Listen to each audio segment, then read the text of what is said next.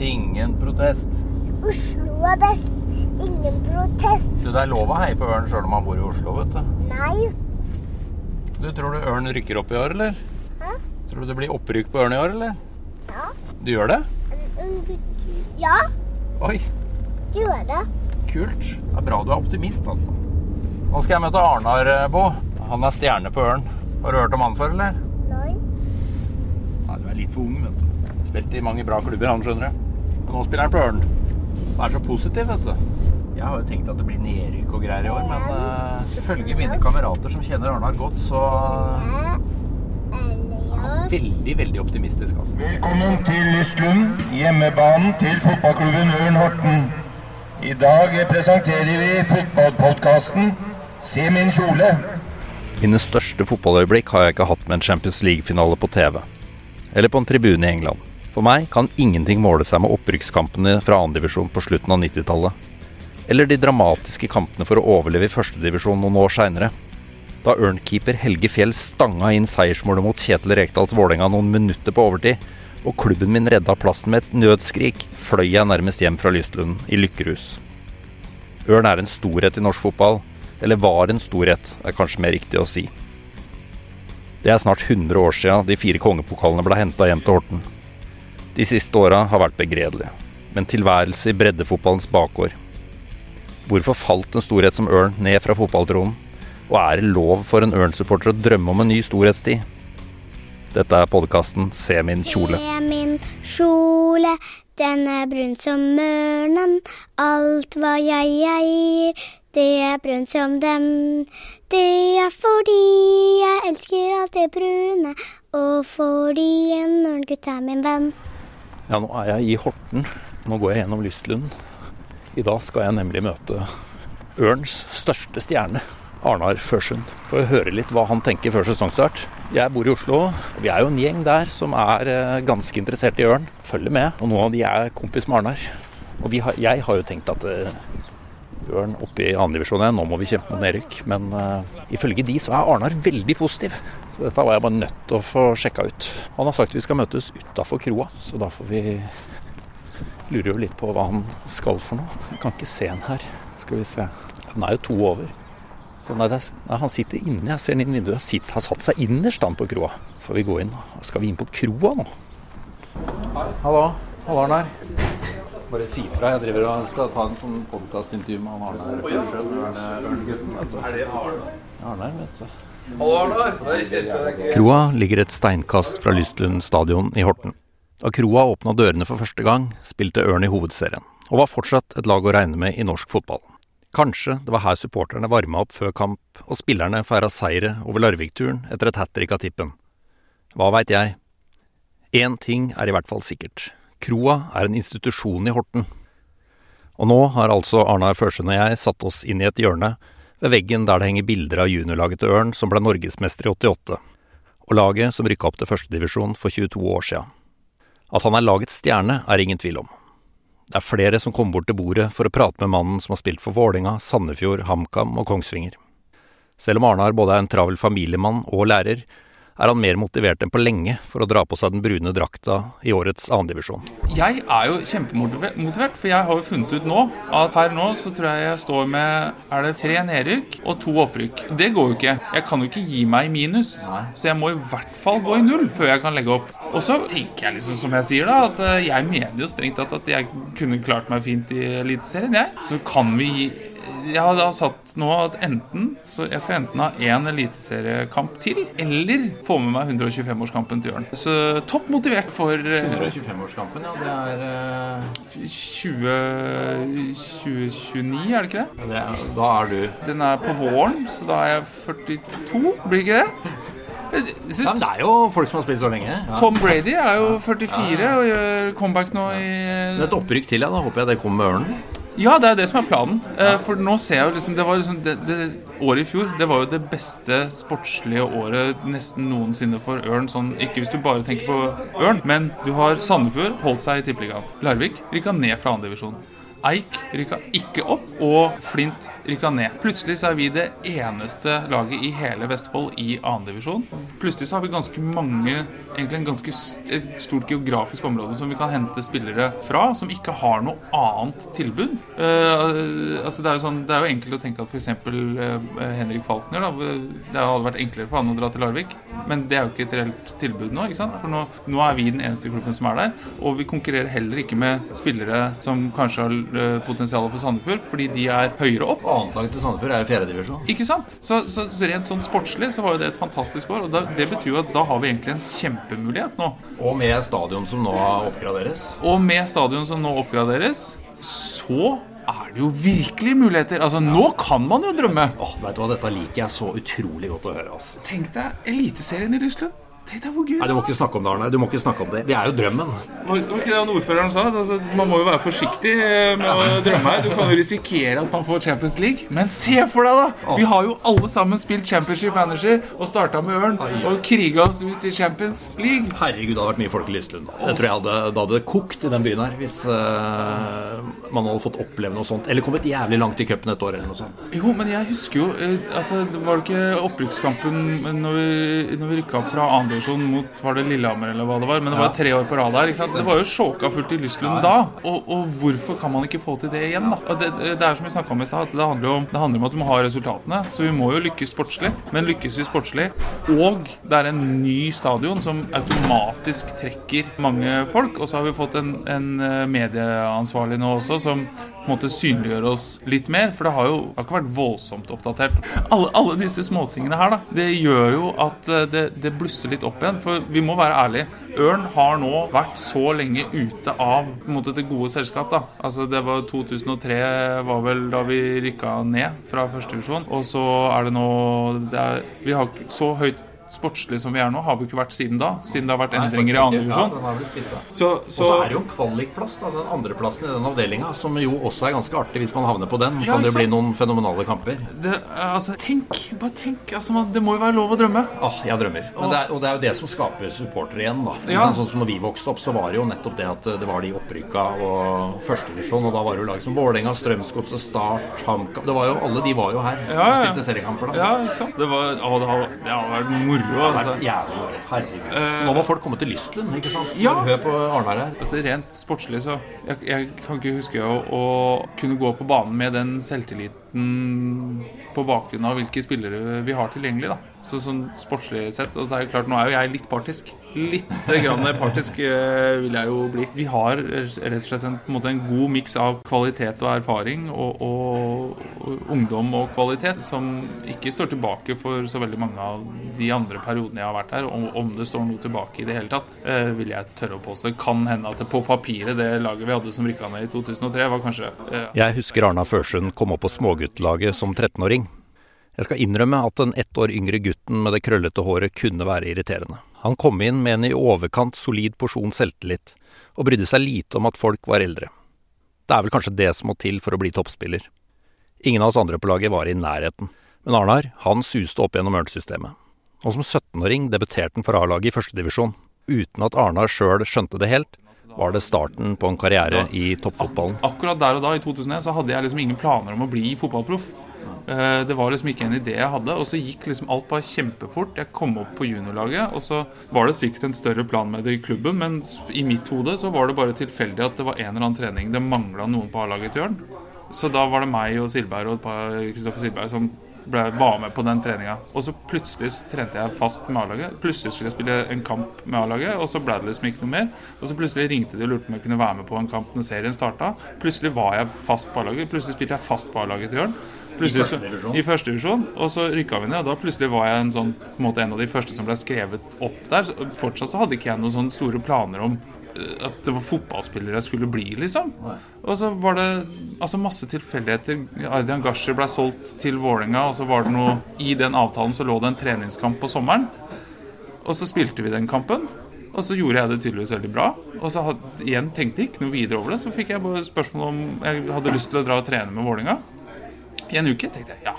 Jeg, jeg, så aldri på det som noe prøvespill. Jeg fikk bare spørsmål om jeg ville trene med den. Greit, jeg drar og trener med det. Og så hadde jeg den uka der mitt livs uke som fotballspiller. Altså, alt gikk.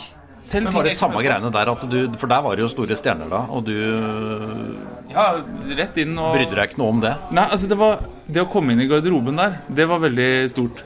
Fordi der satt liksom Det var Freddy Dos Santos, det var Morten Berre, det var eh, Jeg tror Iversen også hadde kommet da. Ronny Døhli, Erik Hagen. Altså det var alle disse som jeg hadde sittet og spilt Championship Manager med. Ikke sant? Så, som du, og det, Der får man et veldig personlig forhold til disse spillerne. Altså, de som liksom hadde alltid ville transfer og sånn. ikke sant? De skula litt på de i garderoben, selvfølgelig. Men, men, det var veldig stort å komme inn der. Eh, men ute på treningsfeltet så var det samme greia som det alltid har vært. At når jeg tråkka utpå der, så da var vi alle like. Men å, å sitte så hele uka der var liksom Det var bare kos. Var, jeg var der bare og kosa meg, og så hadde jeg mitt livs uke. Alt gikk kjempebra. Så husker jeg Kjetil Siem kom etter den siste treninga som jeg var der. Og, liksom, og, da tenkte jeg bare ja, nå skal han takke liksom, for at jeg kom, og det var fint og hyggelig at du ville være med, liksom. Og det har gått greit. Og så var det liksom sånn ja, kunne du tenke deg å signere for oss? Hæ? Er du sn... Hæ? Lars Bohin kom og spiste boller eh, bollene til mamma og pappa hjemme hos meg. Og, Han kom hjem til dere? Ja, ja. Og, Her i Horten? Ja, ja. og i Smiveien eh, Nei, jo, i Smiveien 2. Eh, og, og, liksom hele greia var bare sånn pl Plutselig så var jeg bare i Vålerenga. Det var liksom sånn Oi, jøss. Yes. Og da kanskje, burde man kanskje satse litt, da. Ja.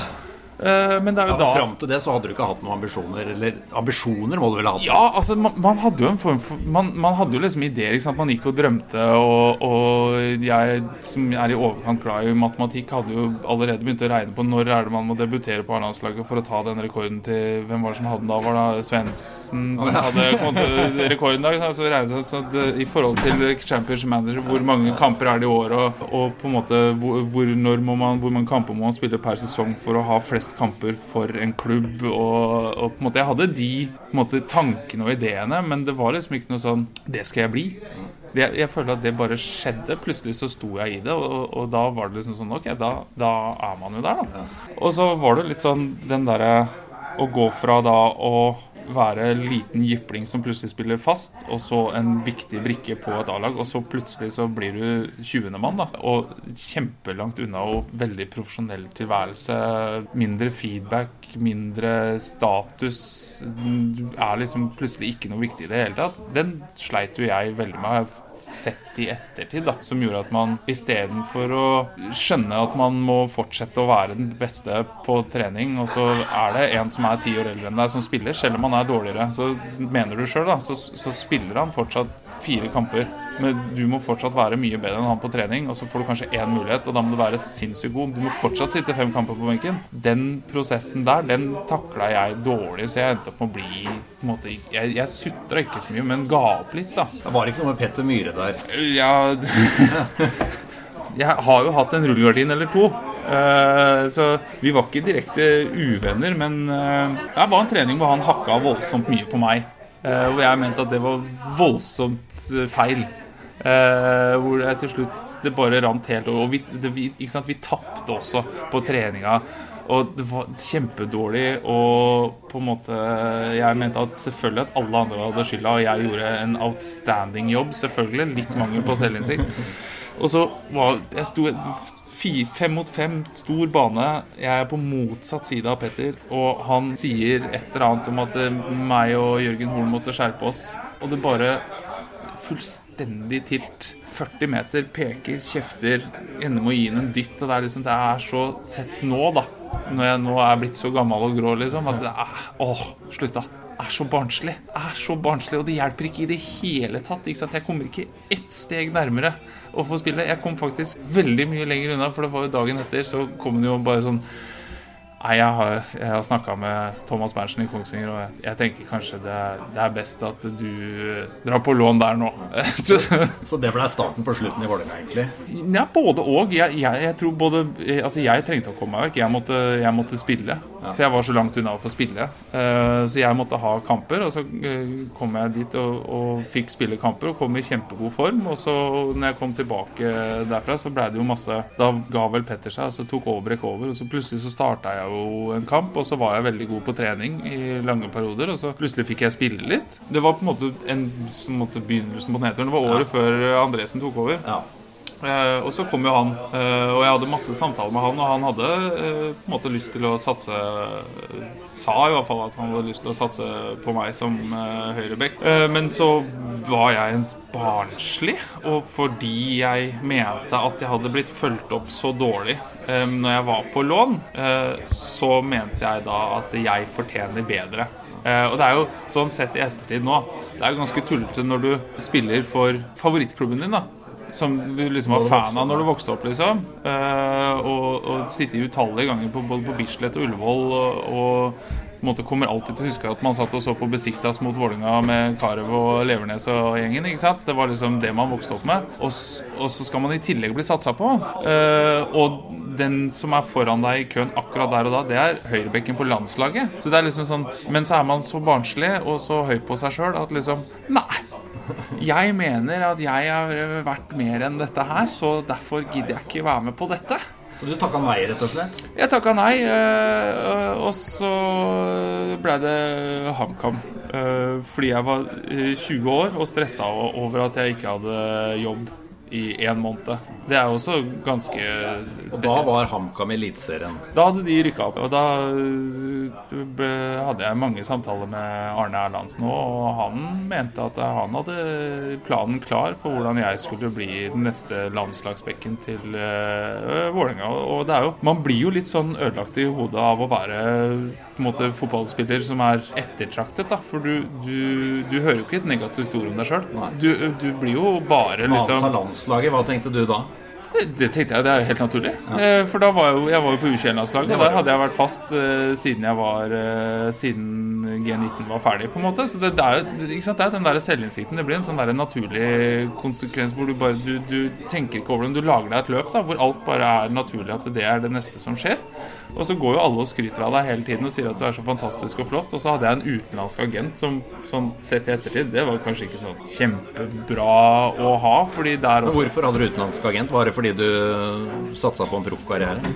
Eh, han hadde det igjen tilfeldigheter. Eh, han hadde tilfeldigvis sett en kamp eh, Jeg tror det var han så Sandefjord mot eh, Stabæk når jeg var i Sandefjord det opprykksåret. Så hadde han tilfeldigvis sett den kampen. Og så, hadde, så var han tilfeldigvis på La Manga når jeg var der med Vålinga i 2007. Og da spurte han om et møte med meg. Jeg hadde jo ikke noe agent på den tida. Og så sa han at uh, den og den klubben hadde han fått til å se på meg. ikke sant? Og det er jo sånn du hører liksom Oi, oi, oi. Hvilke klubber var dette? Hva snakka han da? Da snakka han om noe Tottenham og sånn. ikke sant? Og det er jo ja, helt sånn såpass, ja, men det er jo, ikke sant? Det er jo, det er jo tullete sånn jeg ser nå i ettertid. ikke sant? For det er liksom Hvor mange mange spillere har ikke Tottenham sett på som er 18 år rundt omkring i verden? Altså, det det er jo alle, ikke sant?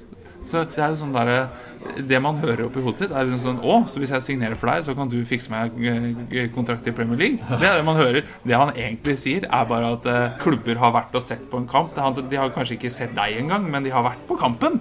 Det er det han sier, men det du hører, det er noe helt annet. Og så I den perioden der, da han begynte å snakke om hva var det? Han snakka om Celta Vigo da de var i, topp, toppdivisjonen. Da han snakka om Saragossa, han snakka om Aset Alkmaar, han snakka om Feinor. Liksom. Han kom med den ene klubben etter den andre.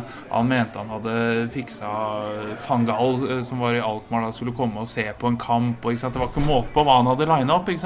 Du blir jo litt sånn men da du Oi, fikk ham som agent, da, var, skjedde det noe? Eller var det noe interesse, eller Ja, altså Han mente sjøl at han hadde noen Det nærmeste som jeg kom uh, Men jeg, jeg, har aldri sett noe tilbud. Men ifølge han uh, så skulle da Fangal komme og se på meg mot Var det Estland jeg skulle spille mot? Men da hadde jeg selvfølgelig klart å dra på meg rødt kort i kampen før, da. selvfølgelig Sjokkerende. Overraskende. Så Da fikk jeg to kampers karantene, så da kom han aldri og så på den kampen. Var visstnok fortsatt kjempe, kjempeinteressert og skulle bli tatt opp. Så det var Louis van Gaal sjøl som skulle komme og se kampen? Ja, visstnok, da. Ja. jeg aner jo ikke, ikke sant. Men så, også var det alt, også sånn som det alltid er i fotball. ikke sant? De er klare til å signere deg. De må bare. Eh, så da var det visstnok en eller annen spiller som måtte selges, som skulle selges, men han måtte selges. Og så ble jeg stressa eh, over at jeg ikke hadde klubb. Signerte for HamKam. Og så tror jeg det var i midten av januar eller noe, så solgte Alkmaar den høyrebekken. Og da, ifølge han Jeg har igjen aldri sett tilbudet, men ifølge agenten da, så prøvde Alkmaar å låne meg fra HamKam. Men siden HamKam nettopp hadde kjøpt meg, så sa de nei med en gang. Men det er det nærmeste jeg har eh, sett. Det, det er på en måte i prinsippet det eneste han fiksa. Etter det så bare døde det meste hen, hvor på en måte jeg leverte dårligere og dårligere, og HamKam gjorde jo eh, et dobbeltnedrykk som heller ikke er så veldig positivt. Og så dro jeg på meg nakkeprolaps eh, samtidig. Og så, så blei du ganske kontroversiell på Hamar, da? Ja, jeg ble jo mindre godt likt. Jeg hadde en litt uheldig episode på en hockeykamp eh, hvor jeg Storhamar mot Vålerenga, hvor jeg stilte opp i Vålerenga-drakt. Det også er jo sånn når man ser i ettertid, så var det kanskje ikke det beste Jeg hadde ikke trengt å gjøre mer enn å ta et skjerf. Et skjerf hadde holdt lenge, liksom. Men det, da ble jo mindre Fram til da så var jeg jo godt likt. Og så bare Sånn, der snudde det. Og det fikk vi aldri reparert. Ble det noen trusler og greier, syns jeg leste? Eh, ja, det var mye trusler. Og så var det en som skulle banke meg opp når jeg var på stadion og så på uh, første seriekamp mot Kongsvinger i første divisjon. Så skulle han komme og banke meg opp. Da du sjøl var HamKam-spiller? Ja, eh, så jeg sto jo blant HamKam-fansen, og så kom han eh, Han var jo ikke helt eh, ved sine fulle fem når han kom der. Han hadde forberedt seg litt i kamp. Uh, så han begynte å slenge litt uh, med leppa, og så var det jo derfra ut så det, det ordna seg bare aldri. Og så rykka vi ned i tillegg, og så prøvde klubben mente klubben at de kunne sparke meg på bakgrunn av at de ikke hadde råd til å ha meg, men samtidig signere en haug av andre spillere. Og så sa jeg nei, det kan dere ikke. Og så ble det liksom altså, det var For du gikk jo til rettssak? Gikk til rettssak. Uh, og de to åra der det, det, var jo ikke to gode år, kan man si. Altså, Ødela det litt karrieren? Nei, altså det var det jeg som gjorde. Ved å ikke prestere godt nok. Det er jeg gammel nok til å innse nå, men det er klart, jeg var jo ikke bestevenn med Arne Erlandsen heller. Og jeg har krangla en del med han, og der var jeg barnslig der, var jeg, der ble jeg veldig barnslig. Der var jeg sånn jeg kunne snu ryggen til når du skulle gi meg en beskjed. og sånn, altså det, det, er liksom helt sånn der eh, to år gammel. Liksom, det er helt håpløst. Det er helt natta. Krangla med Todesen gjorde jeg mye når jeg spilte i, i Sandefjord. Jeg krangla med Petter. Du fikk rykte på deg? Kranglete fikk jeg beskjed om at jeg var. Jeg mener det er mer kverulerende. Eh, og det må det være rom for. Ja. Men jeg har absolutt ingen problemer med å se at måten jeg tok opp det jeg var uenig med Jeg kunne ikke vinne. Jeg kunne ikke vinne Det å stå ute på et treningsfelt og stå og kjefte på treneren din for at han er en idiot Du, du vinner ikke den, altså. For det, du kan ikke. Uansett hvor rett du har, så kan du ikke vinne, liksom. Men har det Hvis du tenker tilbake, da. Kunne du fått en skal vi si, bedre karriere? Så det eh, annerledes? Ja, altså jeg mener jo Uh, og jeg har jo igjen den selvinnsikten. Jeg mener jo fortsatt at jeg kunne spilt Tippeligaen nå. Uh, eller Eliteserien heter det nå. Uh, og det, hvis jeg ikke hadde krangla så mye, så har jo jeg en CV som tilsier at jeg burde fått sjansen i flere eliteserieklubber med så mange U-landskamper og, og, tidlig debut og anvendelig spiller. Men det at jeg var så kranglete, har jo absolutt gjort at det er Jeg vil tro det er ganske mange som liksom Ja, nei det orker jeg ikke, for at jeg ikke engang har klart å fikse meg noen flere Adecco-klubber. Blir litt sånn Lobos, da. Jeg har alltid syntes det har vært litt rart, men sånn jeg, sett fra et trenersperspektiv så kan jeg jo forstå det. Ved å hente inn en Altså, kurven min pekte jo ikke oppover heller. Eh, den gjorde ikke det. Jeg pika jo på en måte når jeg var 18, eh, og så stoppa jeg litt der fordi jeg slutta å legge ned den innsatsen som trengtes for å komme videre, da. Hvorfor gjorde du det, da? Det, det, var litt den der man følte at man var god nok. Man skjønte ikke hvorfor man kom dit man hadde kommet. da. Eh, og det må du dessverre ofte bli litt gammel for å skjønne. eh, så altså, det er liksom du, du, må trene og terpe på ting selv om du kan det, liksom. Det hjelper ikke å tenke at 'nå fikk jeg det til', da kan jeg det. Eh, og så kan du alltid bli bedre. Selv nå når jeg er 35, så kan jeg fortsatt bli veldig mye bedre på veldig mye. Og da du var i din beste fotballalder, som man sier, da, sånn 6-27, så var vel du nede i annendivisjon? Var det Eidsvoll-turen? Da var jeg Eidsvoll-turen. Uh, og, og, da også, ikke sant, så var det Jeg kunne jo Jeg var ikke mer enn 5-26. Uh, jeg var vel 26 da jeg kom tilbake til Jørn, Og man er jo egentlig ikke ferdig da. Det var ingenting som tilsa at ikke jeg skulle klart å komme meg opp igjen. Men det er litt vanskelig når man kun trener to ganger i uka uh, og spiller kamp. Da, da blir du ikke en bedre fotballspiller. Du trente ikke mer enn to ganger i uka? Gjør. Nei, jeg trente ikke mer enn to ganger i uka. Fordi altså, det er jo litt med den der eh, eh, jobb og familie og barn. Eh, det er ikke verdens beste miks.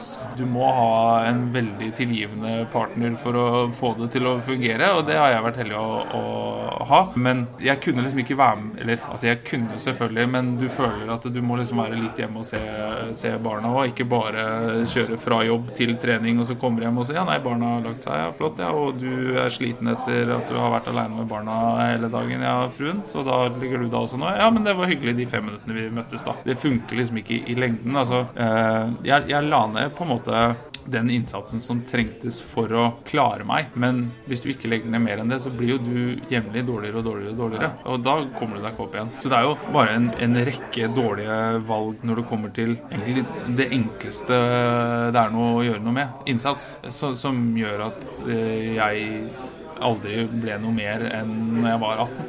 Det er jo kjedelig å se det når du er 35, for du får ikke gjort så mye med det. Men i fjor høst tok Arnar tak. Han trente mer enn på lenge, fikk løpsopplegg fra faren som har drevet med friidrett. Denne sesongen skulle han være bedre trent enn noensinne. Men så skjedde det som ikke skal skje. I vinter knakk Arnar ankelen. Heldigvis er han optimist av natur. Han har begynt å trene igjen, og håper snart å være forsvarssjef i et ungt og spennende Ørnlag. For det å spille for Ørn betyr noe ekstra for gutten som flytta til Horten som 13-åring. Det er noe spesielt da når du får med litt sånn supportere som Det er jo egentlig helt hinsides at de skal bry seg så mye om en liten fisleklubb, ikke sant? men det er fortsatt litt sånn Det gir så mye mening samtidig òg, da. Jeg har jo andre favorittlag, men det er liksom bare Ørn som kan gi meg en sånn, en sånn glede. Ikke sant? Det er noe med det. Eh, det å være litt sånn håpløs fan av et annendivisjonslag Jeg bor i Oslo, er fan av et annendivisjonslag i Horten. Og det er, det er nesten sånn at jo Vi, dårligere sitter, vi i Oslo vi sitter og romantiserer over når vi møtes over noe øl, så er det tilbake på de der gamle historiene om glansdagene til Ørn og drøm, drømme litt om kan vi oppleve noe sånt igjen. Og det er liksom jo dårligere det går, Ja. Jo, jo bedre blir den tida. Eh, altså det, det, Som jo var bånn av førstedivisjon, egentlig. Ja, det, var, det var liksom dit vi kom den gangen. Men uh, altså uh, Herregud, tenk Altså Helge Fjell, ikke sant? Den, eh, det øyeblikket der som egentlig Det er jo Det rager høyest for meg. Over Norge, Brasil og alt. Altså. det er jo, det er jo strengt tatt noe som skjer egentlig overraskende ofte i fotballen. At en keeper skårer. Men hvis du spør noen fra Horten om er det noe hva er det største som har skjedd i fotballen noensinne? Det er jo Helge Fjell. Og, hans, og han var så høy. da. Det var jo Slo jo Vålerenga, ikke sant? Det var, det det, var, Med Rekdal, og det var jo Nei, at ikke det har blitt lagd film. At ikke det har blitt lagd film om den Altså, den kampen der, det er jo Oscar-materiale. Ja, ja. Det fins jo opptak av den. Vi, vi hadde jo det i Oslo. Noen, jeg hadde riktig med noen av gutta som vi hadde på vors noen ganger. Så er det jo opptak fra den kampen og et par andre. Så at vi og så liksom sånn, Det var sånn TV Vestfolds eh, høydepunkter fra Ørn Vålerenga. Og Tollnes Ørn. Åh, ikke sant? Det var jo to år på rad hvor det var, det var jo helt vanvittig. Det var hinsides. Det var hinsides. Bare de kampene er jo grunn nok til å være Ørn-fan resten av livet. Det er jo det. Eh, Vi blei skada av de kampene. Ja, rett og slett. man blir jo det. Jeg skjønner jo at dagens unge ikke bryr seg, liksom, som ikke har opplevd tredjevisjon. Det er jo Ja, ja, Man må ha noen opplevelser, da. ja, ja, ja. Nei, det er noe med det, og det er det vi håper at vi kan Et sensasjonelt opprykk i år ville jo vært eh, Eller eh, toppkamp, da. Ville jo vært eh, noe sånt. Å være med der, men det er jo samtidig den, den avslutninga i fjor. Altså, Kunne den vært gjort bedre? Ja, men det- samtidig så kom det jo ikke folk på kamp, og det tror jeg var litt at det var 2% Det var nesten sånn sjøl også, skal jeg gidde. Det var 2% sjanse å rykke opp omtrent. Ja, ja, det var Men det ble jo enda bedre. Det var jo helt enormt å være der. dramaturgien i det, hvor du slår Eik og tar over topplassen, og så bare bæsjer så voldsomt på leggen mot Oppsal.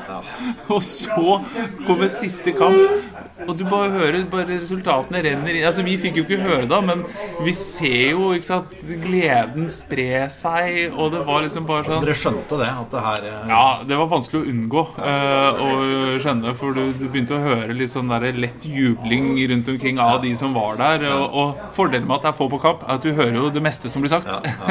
Eh, og, og bare den der når du gikk av banen der, og bare vite at eh, nå er det en tre timer busstur eller hva det er, hjem for Eik. Altså, det var nesten verdt det, bare det.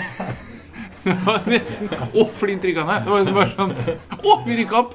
Uh, nei, det var Det ble en god fest på Ørnhuset. Ja, det var helt, uh, helt fantastisk og, og så gøy å være med på. Og på en måte så var det faktisk første gang jeg vant noe i A-lagsfotball. Jeg hadde to andreplasser, en, eh, et cupsølv, og, og så fikk vi andreplass med Sandefjord. Men det ga jo opprykk, så det er jo, det er mye den samme Ja, så du har følelsen. rykka opp med andreplass tidligere? Ja. Uh, Men det, det å rykke opp med Ørn, det, det var på en måte strengt tatt det største jeg har opplevd i uh, fotballkarrieren i fjor.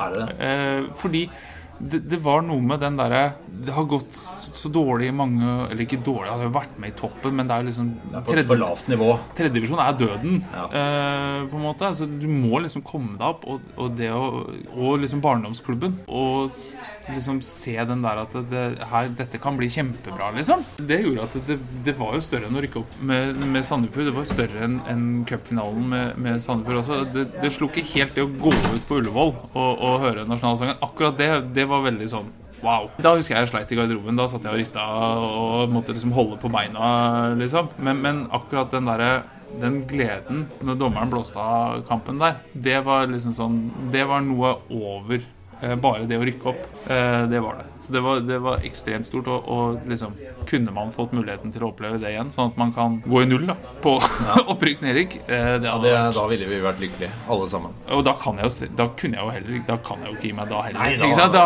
så jeg er litt Da må du redd trappe opp. Ja, jeg er litt redd for at jeg må bæres ut eh, derfra. Jeg tror Kjell må være ekstremt tydelig om at nå er du ikke god nok, Arnar. Nå, går- nå går det ikke lenger. Nå funker ikke. Eh, Ja, apropos supportere og sånn, så var det jo en kamp eh, Du skulle gifte deg. Ja. Så var det et utdrikningslag. Det var en kamp mot Fram her i Lystlønn. Og da var det jo en god gjeng eh, som sto i ørneredet. Da var det en god gjeng, og det, jeg visste jo ikke om det i det hele tatt. Så det var jo ufattelig eh, gøy. Og så var det jo typisk eh, meg og min karriere, da. Jeg tror alle de gutta krutt hadde gått eh, på do og sånn, og på en måte andre gang var eh, blåst i gang. Og når de kom da tilbake eh, for å stå og harselere mer med meg, da var jo ikke jeg der. For da hadde jeg fått rødt kort. Så jeg endte opp med å stå de siste 35 minuttene sammen med dem i ørneredet. Nei, det var, det var også en så fantastisk eh, opplevelse. Veldig sånn surrealistisk når man liksom kom Jeg tenkte ikke noe videre over det at det var jo bare en vanlig kamp. ikke sant? Og så kom man ut der, og så plutselig ser man den gjengen med roperter, og det var bare yeah! Men, men du har jo barndomskompiser som virkelig bryr seg om klubben, da, og er eh, supportere av klubben. Hva betyr det? Eh, Nei, altså det, eh, det er jo en av grunnene til at Ørn også har blitt en så viktig del for meg også. Det- var jo på en måte ikke noe valg. Fordi du, du hadde ikke noe du hadde ikke noe innpass i den gjengen der hvis ikke du brydde deg så mye, liksom. Så, så det er klart at det, det har vært med på å påvirke mitt forhold til Ørn veldig mye. Og det gjør det jo også litt sånn ekstra kult, da. Eh, å, å være en del av det som, som du sier, da. Hvor dere samles jo eh, i Oslo og, og, og glorifiserer den gamle tiden og, og drømmer om den nye tiden. Og så har jeg muligheten til å være med på det, da. Det, det gjør det jo litt sånn ekstra kult også. Eh, så ærlig må man jo være. Eh, det, er, det er superstas, rett og slett.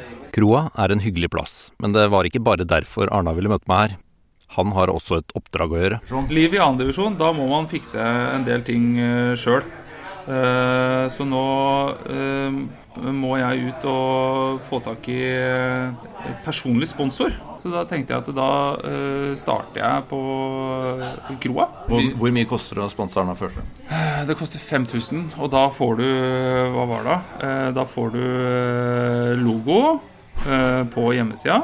Jeg er ganske sikker på hva du får. Eh, Og så var det Og så går Arnar i gang med å selge seg sjøl. Men innsalget går trått. Han har kanskje ikke forberedt seg nok. Det er rett og slett litt vondt å se på, så jeg prøver å gi en hjelpende hånd. Men en tidligere Norway Cup-vinner bak bardisken lar seg ikke imponere så lett. Kroa skal sponses, så er det noe som Da må jo det, er ikke bare meg. Nei. Dette er Arna Førsund. Han spilte det Vålerenga og HamKam. Han er jo tidligere lite Strandog vant Norway Cup i 1990. Sammen Dag Risnes. Den har jeg aldri vunnet! Ja. Du var på det legendariske laget der, ja. Eh, Førsund jeg bare bruker litt enklere. Og da blir det profiler, profilering. Ja. Profilering på hjemmeside og kamper. Og kamper, altså generelt. Ja. Og så blir det en, uh, Kveld med Arnar Førsund på kroa. Ja. Er Show med Arnar Førsund. Det er en selvfølge. Faller det midt i uka, så slipper jeg å jobbe. Det er, det er så nærme jeg kommer. Tusen hjertelig takk. Yes. Ha det. Hva syns du det gikk, da? Eh, det er eh, en eh, mindre god opplevelse å gå rundt og selge seg sjøl på denne måten her. Så ærlig må man være. Jeg vil sette terningkast tre på min egen innsats. Litt halvveis, litt dårlig forberedt. Kan absolutt gjøres bedre. Skal du innom flere, eller hva tenkte du? Skal du vente på kroa nå? Eh, jeg tenkte, altså Man kunne jo dratt eh, Horten rundt, men nå føler jeg litt Nå har jeg gitt de tilbudet. Eh, du, har, du skal hjem og spise taco? Jeg har jo tacokveld med familien som venter. Jeg eh, går ut på en ny runde hvis det viser seg at dette ikke eh, går i havn. Jeg må vel innrømme at jeg blei revet med på kroa. Alt snakk om opprykk, Eliteserien og det enorme potensialet til dette laget. Jeg må innrømme at jeg fikk skikkelig trua. Men i serieåpninga måtte vi nøye oss med 0-0, hjemme mot nyopprykka Stål Jørpeland. Ørn spilte bra og skapte mest, men ballen ville ikke i mål. Var det bare drøm og fantasier den ettermiddagen på kroa, eller tror virkelig Arnar at det kommer til å svinge av Ørnene i år? Jeg tror jeg må ta en ny prat med Ørns store stjerne for å høre om han virkelig mener at Ørn kan være med å kjempe i toppen. Hva tenker du om serieåpninga? Eh, nei, det var en god, eh, god kamp. Det, vi, hva har vi tre, tre på tilnærma open goal der. Det minna jo litt om eh, fjorårssesongen på hjemmebane. Så for oss så ett poeng er som seier å regne hjemme. Det er jo borte. Vi er sterke. Det er sant, det er sant. Men ja, det var mye bra spill, jeg må si det. Jeg tror folk ble litt sånn positivt overraska over det, hvor bra Ørn spiller. Ja, jeg syns det var en veldig god kamp. Vi fortsatte på det som var i fjor. Og så mangla vi jo eh, Adrian i kampen. Og det er klart når du mangler eh, han som liksom har vært spydspissen i hele oppkjøringa, så blir det jo litt endringer som vi brukte noen minutter på å få i gang. Rett og slett. Men eh, er det nok mål i Ørn til å vinne noen kamper framover? Ja, altså du vet, så lenge Adrian eh, slutter å nikke noe annet enn eh, ballen, så skal det gå bra. Og jeg har jo tidligere sagt at vi har, har de tre beste kjøpa i norsk fotball uh, uansett divisjon. Og det er da? Det er jo med Henrik Faltner og, og Jørgen Schjøll og uh, Adrian. Og når du har eh, foten til Jørgen sjøl på høyresida, og så har du huet til Adrian inne i boksen, så lukter det i hvert fall 15, kanskje opp mot 25 goller. Eh, noe annet vil overraske meg veldig. Adrian? Ja. Å, dæven. Så det er, eh, som jeg har sagt før, det er eh, andredivisjons svar på Erling Braut Haaland. Litt treigere, litt det er dårligere foran mål, men eh, alt i alt så eh, jeg, jeg vil tro at eh, jeg må ikke spise hatten min etter sesongen. Oi, oi, oi. Nei, da, da lukter opprykk, da.